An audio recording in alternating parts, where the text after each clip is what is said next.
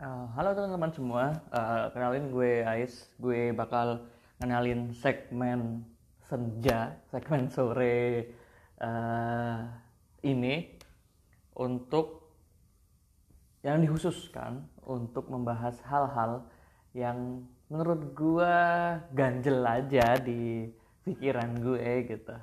Yang menurut gue cukup hangat untuk dibahas dan ya semoga aja ada manfaatnya untuk kalian gue di sini bakal bawain uh, topik terkait yang lagi hangat yang membuat kita menjadi introvert, membuat kita berusaha sekreatif mungkin untuk betah di rumah, yaitu COVID-19. Apa itu COVID-19? Mari kita dengar intronya.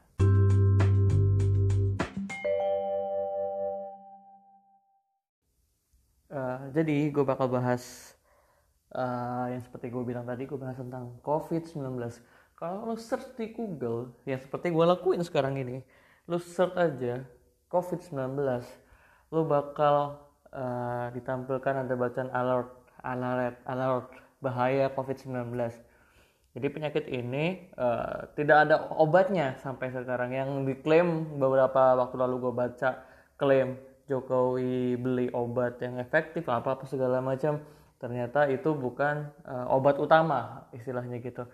Jadi yang gue baca ini belum ada obat khusus untuk mencegah atau mengobati COVID-19 uh, gejalanya sendiri gejalanya itu uh, mirip-mirip dengan flu ataupun batuk. Uh, kalian akan uh, pilek sakit tenggorokan batuk demam parahnya itu kalau sudah parah tuh bakal sesak napas uh, ya kayak apa ya susah napas gitu aja susah napas. Bahayanya sih penyakit ini uh, ada di orang-orang yang kayak uh, usianya 50 di atas ataupun usia usia eh, ataupun yang sedang renta seperti ibu hamil baru melahirkan itu kan kayak rentan sekali ya. Rentan sorry bukan rentah rentah mah mbah mbah jadi dia tuh akan lebih uh, mudah terkena terus dampaknya pun sangat-sangat lebih fatal gitu ketimbang kalian yang sehat. Seperti itu. Uh, walaupun penyakit ini tidak ada obatnya belum bisa uh, diobati tapi uh, kalian tuh bisa mencegahnya gitu. Yaitu dengan membersihkan tangan secara rutin dan pastinya uh, dengan bahan-bahan yang oke okay, gitu.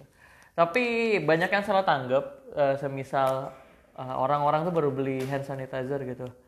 Jadi yang dipakai tuh hand sanitizer terus gitu dan tidak memakai yang lain gitu. Padahal uh, pada dasarnya lebih dianjurkan itu untuk mencuci tangan dengan sabun. Air mengalir dan sabun. It's okay, it's better jika tidak ketemu dengan kedua hal itu, barulah pakai hand sanitizer. Nah, kadang-kadang gue di kantor ini, pas gue di kantor, gue itu uh, melihat banyak yang males ke WC, jadi pakai hand sanitizer. Padahal ada yang pernah gue baca, jika hand sanitizer itu dipakai terus menerus, lama-lama tangan kalian bakal jadi bebel gitu. Jadi kayak tidak ya apa ya kasihan juga tangannya kena alkohol mulu gitu kan nah yang kedua cara pencegahan itu dengan menutup hidung mulut ketika bersin atau batuk atau kalian menutup dengan uh, tangan atau dengan siku atau dengan sapu tangan atau dengan masker jika kalian memang mengalami gejala-gejala seperti demam, uh, pilek, batuk dan lain-lain yang seperti saya sebutkan. Kenapa pakai masker? Itu biar mencegah ketika kalian batuk atau bersin tidak mengeluarkan zat-zat larang gitu dan menempel-nempel di mana-mana gitu. Eh, bahaya sih itu. Lalu yang terakhir itu menghindari kontak atau sekarang itu dengan, dikenal dengan social distance gitu. Jadi bukan hanya hubungan yang bisa jarak berjarak gitu, tapi sekarang pun kita harus berjarak gitu untuk melawan penyakit ini. Kenapa demikian? Ya karena sebenarnya penyakit ini ketika kena di orang yang sedang sehat, orang sehat ini tidak akan mengeluarkan gejala-gejala yang seperti saya sebutkan. tapi dia menjadi carrier atau pembawa penyakit itu jadi ketika dia ngomong muncrat gitu terus kena deh itu virusnya ke mana-mana dia tetap sehat tapi bisa jadi ada orang yang uh, berpapasan kena serbuk-serbuk dari dirinya gitu atau sisa-sisaan dari dirinya jadi kena deh penyakitnya dia gitu. Ya too bad gitu kan.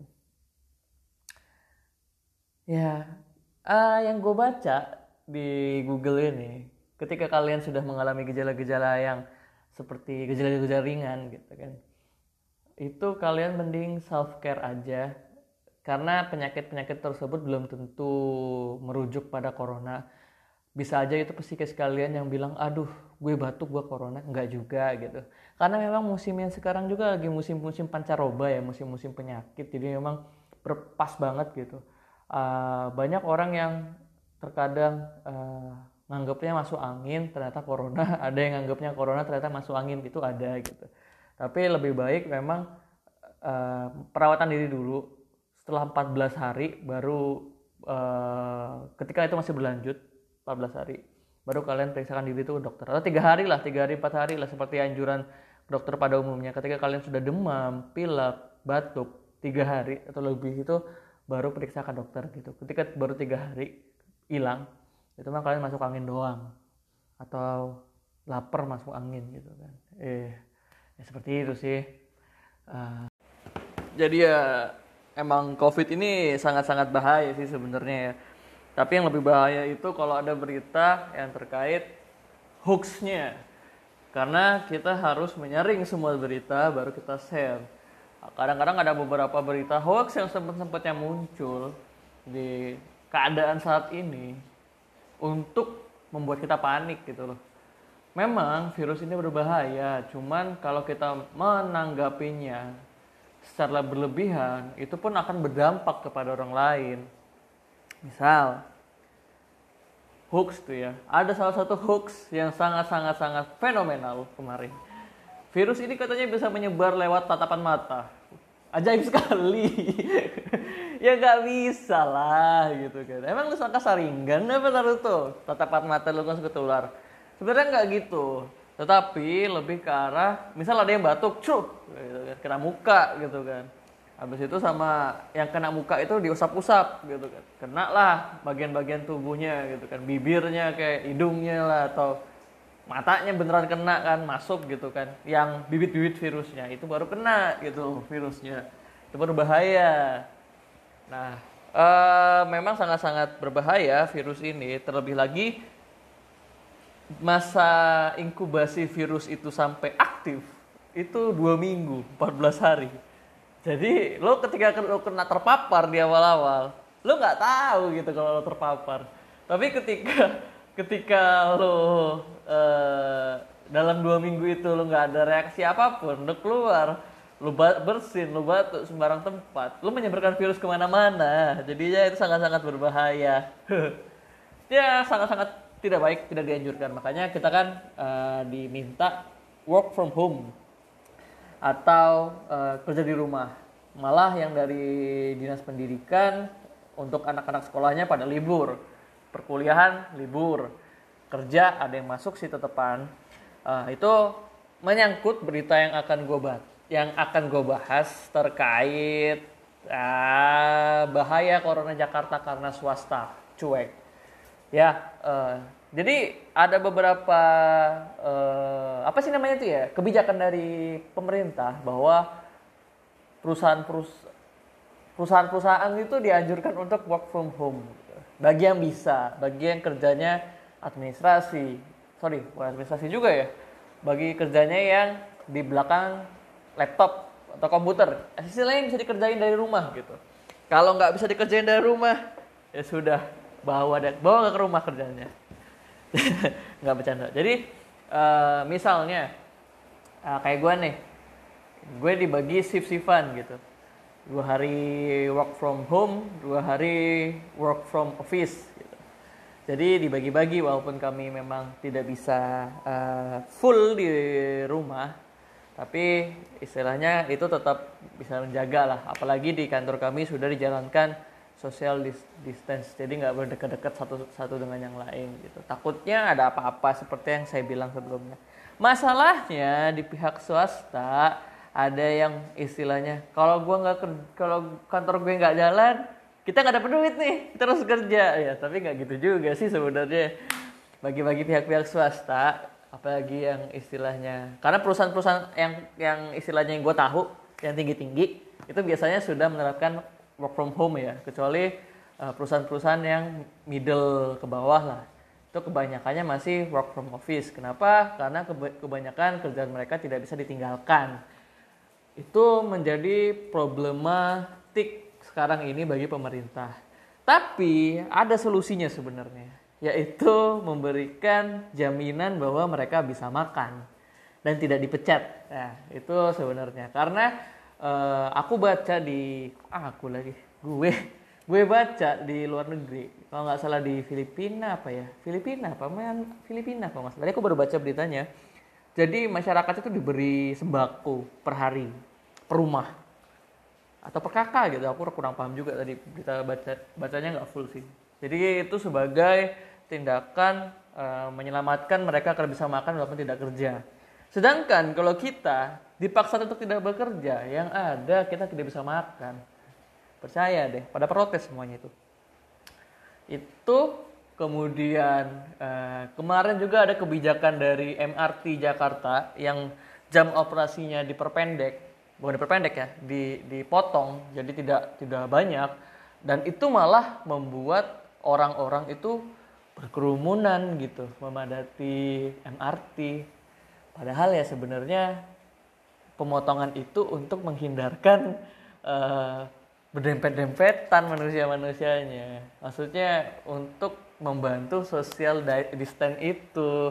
Jadi ketika udah tahu oh ada work from home nih di Indonesia jadi saya potong aja lah jam jam lajunya MRT biar beberapa beberapa waktu aja gitu kan penduduknya pada kerja di rumah. Ternyata enggak, ternyata pada masuk juga rumahnya. Sial, sial masyarakat. Itu yang sangat-sangat berbahaya karena uh, ekonomi mengalahkan kemanusiaan. Percayalah padaku. Percayalah padaku. Percayalah pada gue, kawanku. Ketika lo punya uang, semua-semua itu menjadi gampang. Ketika lo mau kasih bantuan, lo ngasih uang, jebret beres. Jebret beres. Ketika lo uh, butuh lagi sakit gitu jebret beres uang. Ketika lo lapar jebret beres uang. Tapi ketika lo nggak punya duit lo bakal ngelakuin apa pun di dalam kondisi apa pun untuk mendapatkan duit. Makanya apalagi mereka disuruh work from home apalagi kalau yang dibayarnya per per kerjaan. Misalnya nih gue uh, misalnya gue nggak ngerti ya ini bener apa enggak misalnya dibayar kalau nganterin paket 5 paket 30 ribu lima paket lima puluh ribu misalnya misalnya. Ya itu kan kalau lo nggak kantor berarti lo nggak dapat duit. Nah mereka tidak dapat kejelasan ekonomi sehingga mereka tetap masuk kerja.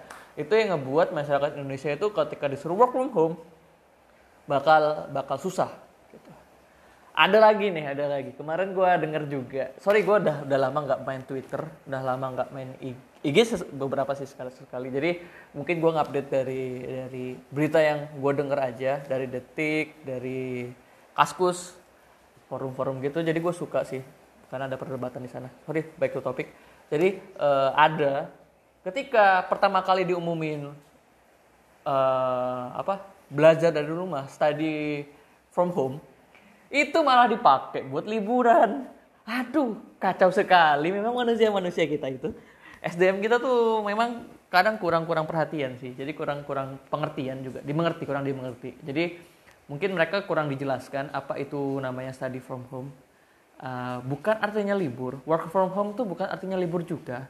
Itu tetap aktivitas tapi dalam dari rumah gitu. Study from home mungkin itu bisa dipakai oleh uh, orang-orang semacam anak kuliahan mungkin ya yang bisa melakukan teleconference or uh, Zoom meeting or Skype, Skype, Skype or Duo, eh Duo bisa nggak ya? Or anything like that uh, macam-macam aplikasi seperti itu. Itu bisa dilakuin sama mereka. Cuman mungkin kalau anak-anak SD SMP apalagi di pelosok mungkin memang harus istirahat di rumah aja gitu. Tapi ya tidak boleh ke mana-mana tidak boleh main gitu. Yang dikhawatirkan ketika mereka membawa virus itu ke satu tempat or sekumpulan orang itu bersih tiba-tiba satu orang yang berpenyakit ke tempat liburan tersebut yang ramai itu. Kalau nggak salah di puncak kalau nggak salah puncak dan pantai Anyar kalau nggak salah beritanya. Itu misal dari Jakarta 10.000 ke pantai Anyar. Satu yang dari pantai Anyar kena set gitu. Itu balik lagi ke Jakarta sepuluh ribu bisa kena semua itu. Or setengahnya. Or maybe ya mungkin kan dari sepuluh ribu seribu lah kena. Itu kan bahaya ya. Maksudnya mungkin dari dari sepuluh ribu seribu orang yang bisa interaksi ya sama satu orang ini. Entah itu cuman lewat atau gimana gitu kan bisa interaksi ya bersin cuk kena gitu kan. Itu sangat-sangat berbahaya. Makanya sekarang itu dianjurkan udah di rumah aja. Lo mau ngapa-ngapain tuh di luar tuh udah nggak usah. Makanya lebih baik keluar ke rumah ketika lo butuh sesuatu yang benar-benar urgent bukan ke tempat bermain. Mall supermarket transmart. Jangan seperti itu kawanku. Itu sangat tidak baik. Betul. Karena lebih enak di rumah juga sih sebenarnya mutihin badan ya eh, kebetulan di kaskus juga karena banyak-banyak kaskuser yang sering debat masalah-masalah uh, COVID terkait cara penyelesaiannya lah yang baik dan benar seperti apa terkait tata cara uh, tesnya lah bakal sangat-sangat bagus untuk kita bahas. Uh, rapid test yang dibeli pemerintah, Dokter Elina, ke depannya jangan deh. Ini dari ILC, debat ILC Indonesia Lawyers Club kemarin malam. Jadi membahas tentang temanya itu COVID si Malakama kalau nggak salah. Eh, iya COVID si Malakama. Jadi mereka eh, mendebatkan yang terbaik untuk mengatasi COVID-19 ini. Ya walaupun istilahnya banyak perdebatan juga di dalamnya ya, cuman ya debat itu suatu tontonan yang menarik memang. Uh, update Corona 25 Maret 790 kasus 31 sembuh 58 meninggal. Kenapa kasus ini tiba-tiba melonjak dari yang awalnya kalau nggak salah di akhir bulan Februari atau di awal bulan Maret itu cuma tiga orang di daerah Jakarta. Kenapa? Karena sebenarnya mereka sudah banyak yang sudah banyak yang kena, hanya mereka nggak tahu dan kita hanya menganggapnya itu masuk angin seperti biasa. Percayalah padaku. Dan udah dikasih tahu seperti bahayanya COVID, pemerintah kita malah mengasih diskon tiket penerbangan. Surabaya, Lombok, Surabaya, Jakarta, Surabaya, Jakarta, sorry, Lombok dan Bali. Surabaya ke Lombok itu cuma 300 berapa dan Surabaya Bali cuma 300 berapa naik Lion Air. Naik Garuda pun cuma 300-an juga kalau salah. Garuda masih tiling gitu. Dan ke Jakarta itu pun murahnya juga sama dari Surabaya ke Jakarta. Ya itu mempercepat penyebaran. Orang yang awalnya eh gue gabut di rumah terus ngecek tiket eh murah pergilah gue ke mana? Ke Bali. Eh pas di Bali kena balik lagi. Kena nyebarin semua. Itu benar-benar sangat bahaya dan pemerintah kita menurut uh, menurut gue sendiri udah salah langkah dari awal uh, menghadapi virus ini. Mana pemerintah kita jumawa lagi ngomongnya Indonesia tahan dari COVID-19 gitu kan aduh sangat-sangat bahaya nah ini saya baca lagi viral jenazah PDP PDP pasien dalam pengawasan corona COVID-19 asal Kolaka dipeluk dan cium di sebelum dimakamkan. Ya sebenarnya sangat-sangat apa ya eh, manusiawi ketika ada orang yang disayangi meninggal dipeluk dan dicium itu sangat manusiawi.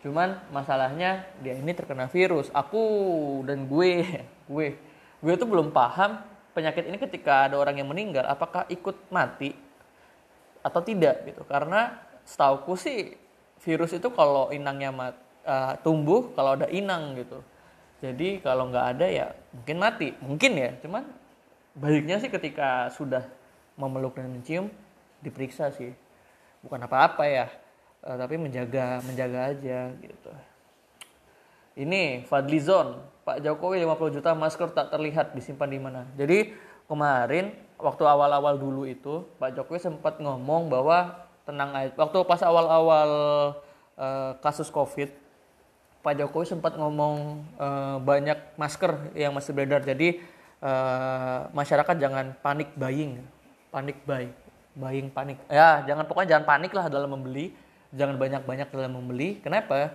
Jokowi ngomong seperti demikian karena kita biar nggak panik jadi orang-orang nggak nggak borong masker misalnya lu punya duit nih ada yang si A punya duit 10 ribu dap, uh, yang si B punya duit seribu aja harga masker lima ribu si A karena dia takut ah gue beli dua dua gue beli eh, sepuluh ribu lah gitu sedangkan si B nggak kebagian gitu. Abis duluan diborong si A. Kan uh, jadi merugikan yang lain gitu. Jadi kita tuh saling membunuh jatuhnya seperti itu. Ya sangat-sangat efektif sih kalau mencegah buat panik buying. Cuman kalau untuk sekarang jadi kena bumerang. Pak Jokowi dari DPR-DPR kita yang terhormat. Karena uh, ya DPR kita kalau nggak membahas politik asik juga gitu ya uh, mengenal herd immunity cara yang disebut bisa tekan COVID jadi ada isu yang beredar bahwa uh, obat COVID itu sudah ditemukan. Tapi teman-teman sampai sekarang itu belum ada obat COVID. Jadi yang dari kemarin pemerintahan udah ngomong ada COVID-19 ada obatnya, itu bukan obat betulan, uh, hanya tapi obat untuk perawatan aja ya. Jadi belum ada obat lo minum langsung sembuh gak. Cuman kalau lo minum obat itu bisa menekan virus gitu. Dan bisa aja virusnya itu bisa hilang dari tubuh lu karena ada uh, obat yang bisa merubah RNA di dalam virus gitu. Jadi virusnya tidak berkembang.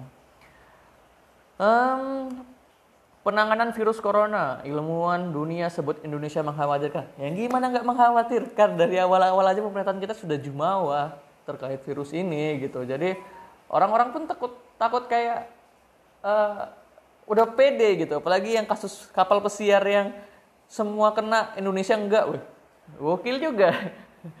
Terlalu jumawa terlalu jumawa. Kagetnya Ganjar bantuan APD dari Cina ternyata made in Indonesia. Oh ini sempat rame juga kemarin. Jadi APD yang dibawa sama oh sebagai catatan ya karena coronanya sudah mulai semakin merebak beberapa alat kesehatan APD, masker N95, masker medis, kemudian masker-masker biasa, uh, hand sanitizer, disinfektan itu sudah mulai langka di pasaran.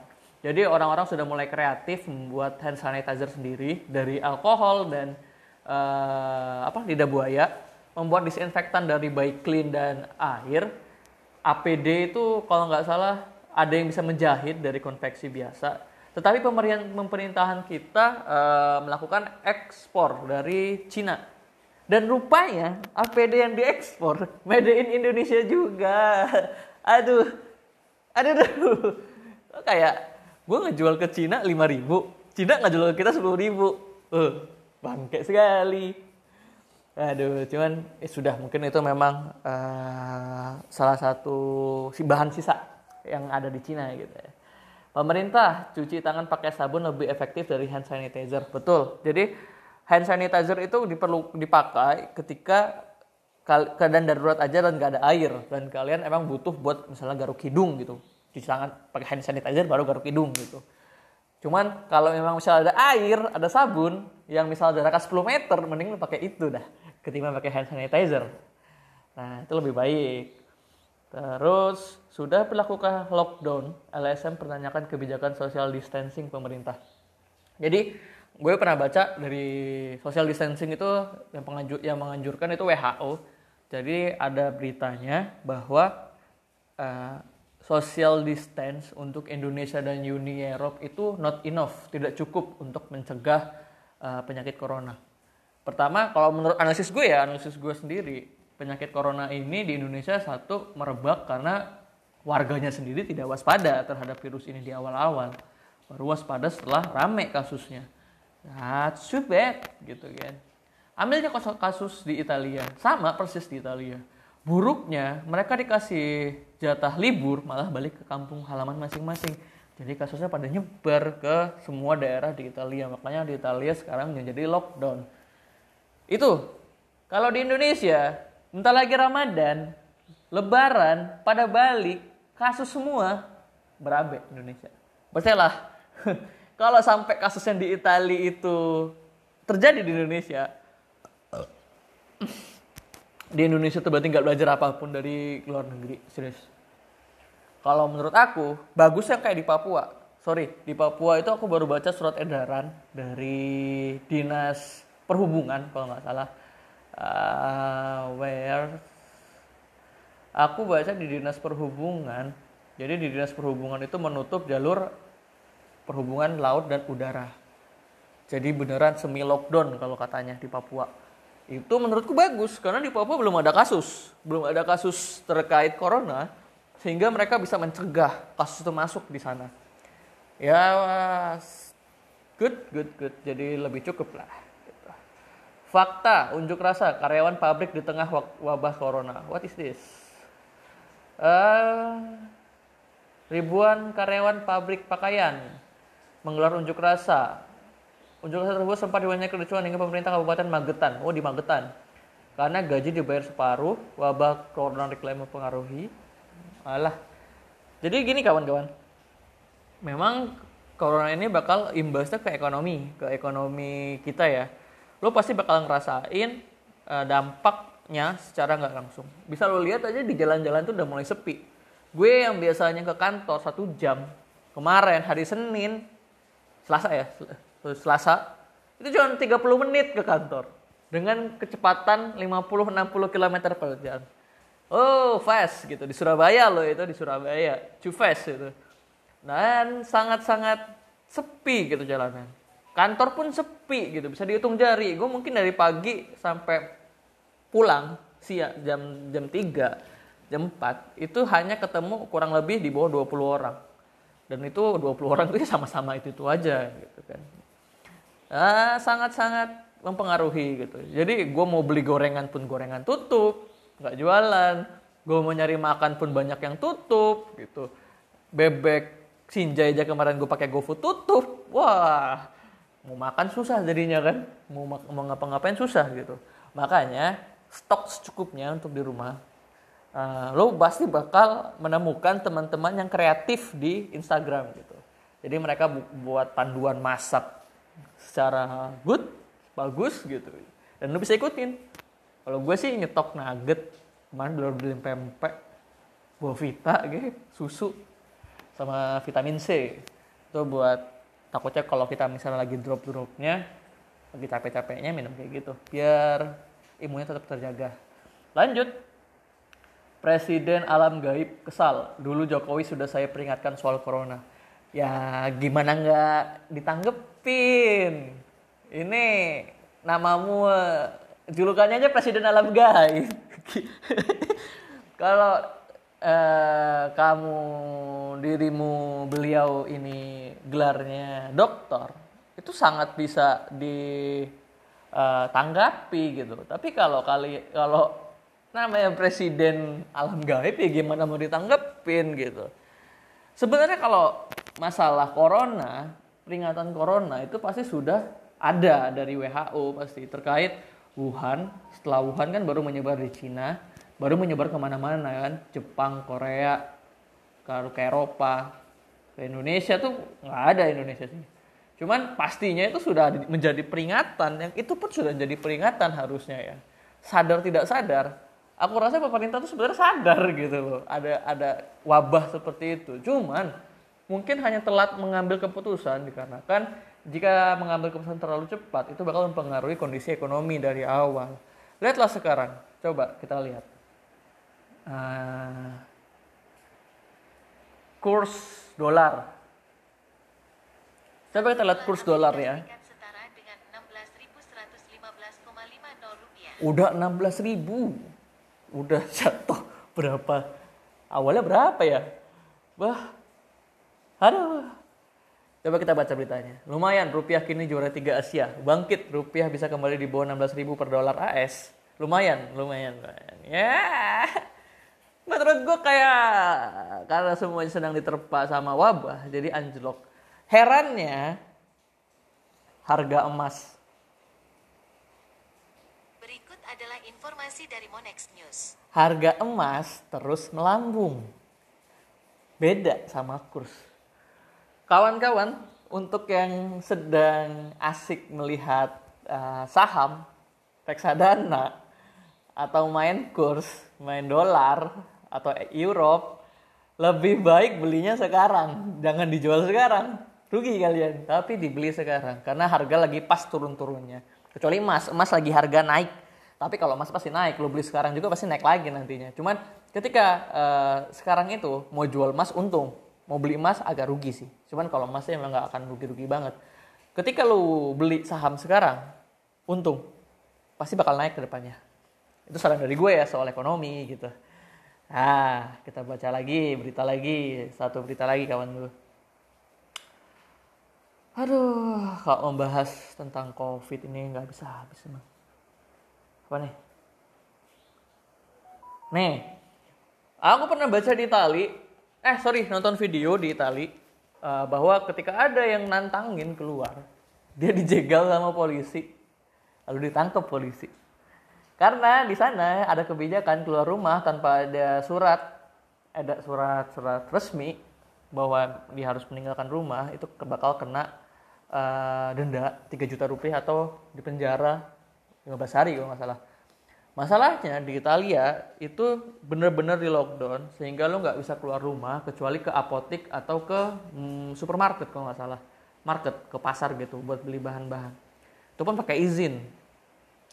Kalau lu masih maksa lu di penjara kalau nggak salah di Malaysia pun sama kalau nggak salah ya Malaysia Singapura dan lain-lain di India India di India di India ya di India yang menurut warga Indonesia itu India itu di bawahnya warga Indo warga Indonesia polisi daerah Bengal setiap ada warga yang masih berani keluar bakalan dipukulin sampai mereka balik arah kalau nggak dibalik ya dipukulin terus Oh, tuh seremnya tuh mukulnya kayak sekuat tenaga, bahkan ada bambunya sampai reot. Mantap. Di Indonesia, orang main warnet diperingatin suruh pulang malah diketawain. Polisinya diketawain ya. Jadi kebalik gitu. Jadi Indonesia itu belum tahu dampaknya. Jadi kayak su, se jumawa gitu. Ah gue kebal. Ah paling di sana aja. Ah nggak mungkin gue kena gitu gitu. Padahal yang nggak juga bisa aja kena gitu loh. Buruknya sih itu buruknya. Plus kita itu uh, memang terlalu banyak warganya. Yang bengalnya banyak, gitu. yang baiknya banyak, bengalnya juga banyak yang bengal. Yang coba lo lihat deh, gue di Surabaya masih banyak yang nong di sorry sorry gue di sidoarjo bukan Surabaya banyak yang nongkrong di pinggir jalan tuh banyak yang nongkrong nongkrong kalau di Surabaya setahu saya sih, setahu saya lagi, setahu gue sih udah pada disuruh pulang ya sama Satpol PP gitu, udah pada suruh pulang. Di sini Sidoarjo masih ada mayem. Padahal di, di gue tinggal di Kecamatan Candi ya. Itu udah ada yang kenal Kecamatan Candi itu atau orang positif. Gue juga was pas jadinya. Ya sebenarnya balik lagi uh, di kita itu harus mencegah. Oh ya kawanku, jadi gini, Eh, kalau bisa memang dikurangin untuk berita-berita yang mengkhawatirkan, diperbanyak untuk berita positif dari corona ini. Kenapa? Karena corona ini sebenarnya bukan penyakit yang tidak bisa disembuhkan, walaupun tidak ada obatnya ya. Bisa disembuhkan penyakit ini, asal perawatannya serius. Makanya kita dukung teman-teman uh, perawat kita, dokter kita yang lagi kerja di rumah sakit, yang instansi kesehatan lainnya sedang bekerja di rumah sakit, itu untuk menjaga uh, kesehatan mereka dengan cara mensupport mereka dengan cara kita di rumah agar kita tidak menularkan penyakit tersebut. Tuh. Yang kedua, kita tuh stop panic buying. Lo tahu harga masker itu, hand sanitizer, disinfektan pada meroket semua. Gue belum beli masker satu pun loh. Gue biasanya kalau kerja cuma pakai kain. Eh, apa tuh yang Aiger itu penutup muka? Nggak tahu gue apa namanya itu. Itu gue cuma pakai itu di kantor gue langsung cuci tangan dah pusing gue nggak ada nggak ada masker maskeran habis maskernya tuh mahal semua dah tuh ya nah yang ketiga yang dari gue ketika kalian batuk bersin ditutup jangan disemprot gitu kan. Dah gitu kalau kalian emang demam pakailah istirahatlah di rumah pakailah masker jangan aneh-aneh jangan malah main nggak baik cuk cuk lagi gue. Ya begitu.